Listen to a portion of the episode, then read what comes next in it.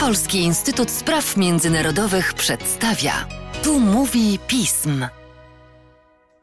W podcaście Polskiego Instytutu Spraw Międzynarodowych witam Państwa Łukasz Jasina. Witam Państwa bardzo, bardzo serdecznie i witam mojego gościa Michała Wojnarowicza. Dzień dobry, Michale. Dzień dobry, Łukasz. Dawno nie rozmawialiśmy, a o Izraelu zawsze warto rozmawiać, że tak sparafrazuję popularny tytuł. Zawsze warto się czegoś dowiadywać, zwłaszcza w czasach, kiedy zmienia się nasz świat, a w wypadku pandemii Izrael jest jednak państwem, które jest rozpoznawane. Nie tylko dlatego, że miało swoje problemy z kwarantannami, z lockdownami, ale również dlatego, że jest również państwem w bardzo ciekawy sposób rozwiązującym kwestie szczepionkowe, kwestie przygotowania społeczeństwa do tego, aby już na pandemię i różne choroby z nią współistniejące nie zapadali. Jest to też państwo w stadium ciągłego kryzysu, które realizuje pewne rzeczy tak, jakby tam kryzysu nie było.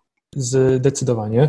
Izraelskie podejście do, do szczepień można najkrócej określić jako kolejna wielka mobilizacja społeczeństwa, ponieważ, i to często podkreślają różni analitycy, eksperci, obserwatorzy, Izrael jest dobrym sprinterem, jest dobrym, dobry w szybkiej mobilizacji, w szybkim zidentyfikowaniu problemu i znalezieniu jakiegoś rozwiązania, ale dużo gorzej radzi sobie z jakby długotrwałym kryzysem. To było dobrze widać na przykładzie naszej trwającej już ponad rok pandemii, tak? Pierwsza fala w Izraelu została dość szybko ograniczona, ale już przedłużanie tych obostrzeń i kolejne fale no, już były zbyt, zbyt dużym wyzwaniem dla społeczeństwa, dla instytucji. Jeśli chodzi o szczepionki, no, póki co Izraelowi faktycznie udaje się pozostać w czołówce wyszczepialności swoich, swoich obywateli. Obecnie jest to 40% całej populacji, czyli około 3 miliony 300 tysięcy mieszkańców. Jeśli miałbym wskazać kilka czy, najważniejszych czynników, które pozwoliły Izraelowi na osiągnięcie tak dobrego wyniku, no to przede wszystkim banalne stwierdzenie, bogaci mogą więcej. Izrael jest zamożnym państwem i szybko udało mu się zabezpieczyć dostawy szczepionek. Tu dużą rolę odgrywał kolejny czynnik, czyli no, wola polityczna, przede wszystkim wola jednego człowieka, Benjamin Netanyahu, który mocno podkreślając swoje osobiste kontakty z przedstawicielami i szefostwem koncernów farmaceutycznych, bezpośrednie działania. Udało mu się zagwarantować stałe dostawy od firmy Pfizer, od firmy Moderna, więc Izrael dysponuje dostawami tych szczepionek, zapasami, które pozwolą zaszczepić całą populację i jeszcze troszeczkę zostanie. No i trzeci, no najbardziej banalny czynnik, rozmiar. Rozmiar ma znaczenie. Izrael jest państwem małym, ludność jest skoncentrowana w większości w miastach, odległości nie są duże, stąd bardzo łatwo ogarnąć całą logistykę programu szczepień. Do tego dochodzi e, wysoki poziom cyfryzacji służby zdrowia, baza danych, kontakty między na linii kasy chorych, bo to one są odpowiedzialnym podmiotem za szczepienia, a, a pacjent jest bardzo, bardzo skrócona. Pewnego rodzaju też, nie chcę być luz, ale no takie podejście, że y, dość widoczne w działaniu tych kas chorych, które dystrybuowały szczepionki nieprzeznaczone dla osób zgodnie z wiekiem czy zawodem, już po dziennej akcji szczepień, po to, żeby po prostu się nie zmarnowały dawki, więc jakby instytucja kolejki miała swoje, swoje 5 minut w, w Izraelu. Nie oznacza to jednak, że Izrael nie boryka się z kilkoma problemami w tym, tym aspekcie. No właśnie. Jakie są te problemy? Bo Izrael jest jednak bardzo dobry w propagandowe klocki i potrafi całemu światu pokazać sukces. A co kryje się z tyłu tego sukcesu? Z tyłu tego sukcesu jest między innymi kolejna fala COVID-u, już obecnie w tej fazie jakby słuchowej, a w fakturze od początku stycznia w Izraelu przybyło przeszło 300 tysięcy nowych zachorowań, zmarło 2000 osób, to jest prawie 1 trzecia wszystkich śmierci od początku pandemii, tak, w Izraelu. Odpowiedzialne są za to przede wszystkim te nowe szczepy koronawirusa. No jest też, im bliżej tej właśnie pełnej wyszczepialności obiecanej przez władze do, do, do marca, zbieżne z datą najbliższych wyborów. Nie całe społeczeństwo jest tak wysoko zmobilizowane w Izraelu. Tu należy wskazać przede wszystkim dwie grupy, ludność arabską i ludność ultraortodoksyjną.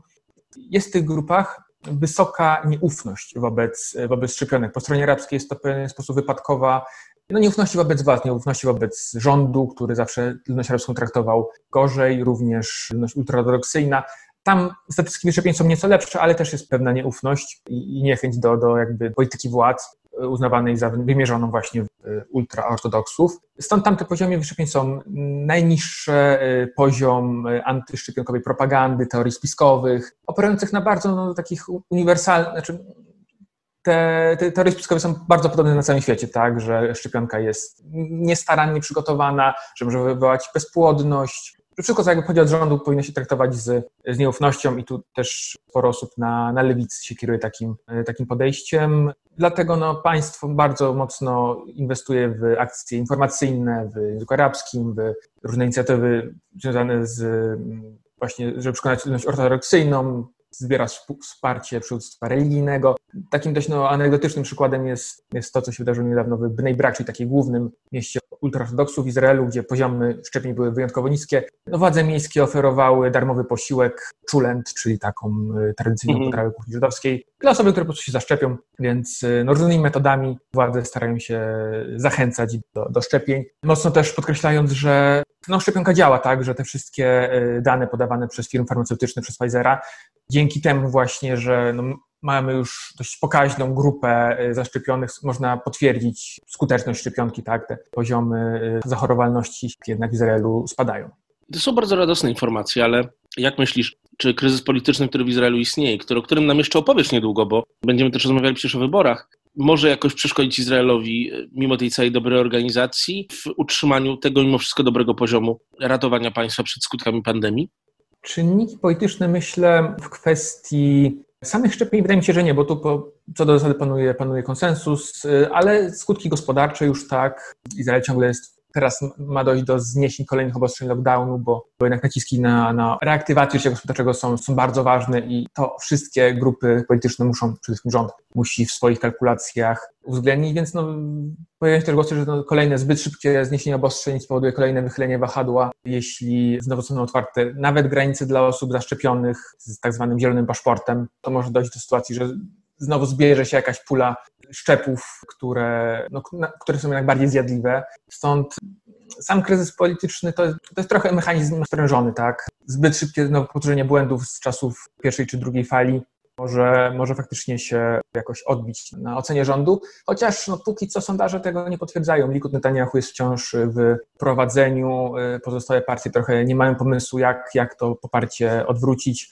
no, ale to jakby temat na dłuższą inną rozmowę na, na temat izraelskich partii politycznych. Na co oczywiście okazja się znajdzie, podobnie jak na rozmowę o Benjaminie Netanyahu. Dziękuję Ci bardzo, Michale, za dzisiejszy podcast. Polecam Twoje teksty na naszej stronie. Dziękuję, Łukaszu. Pozdrawiam.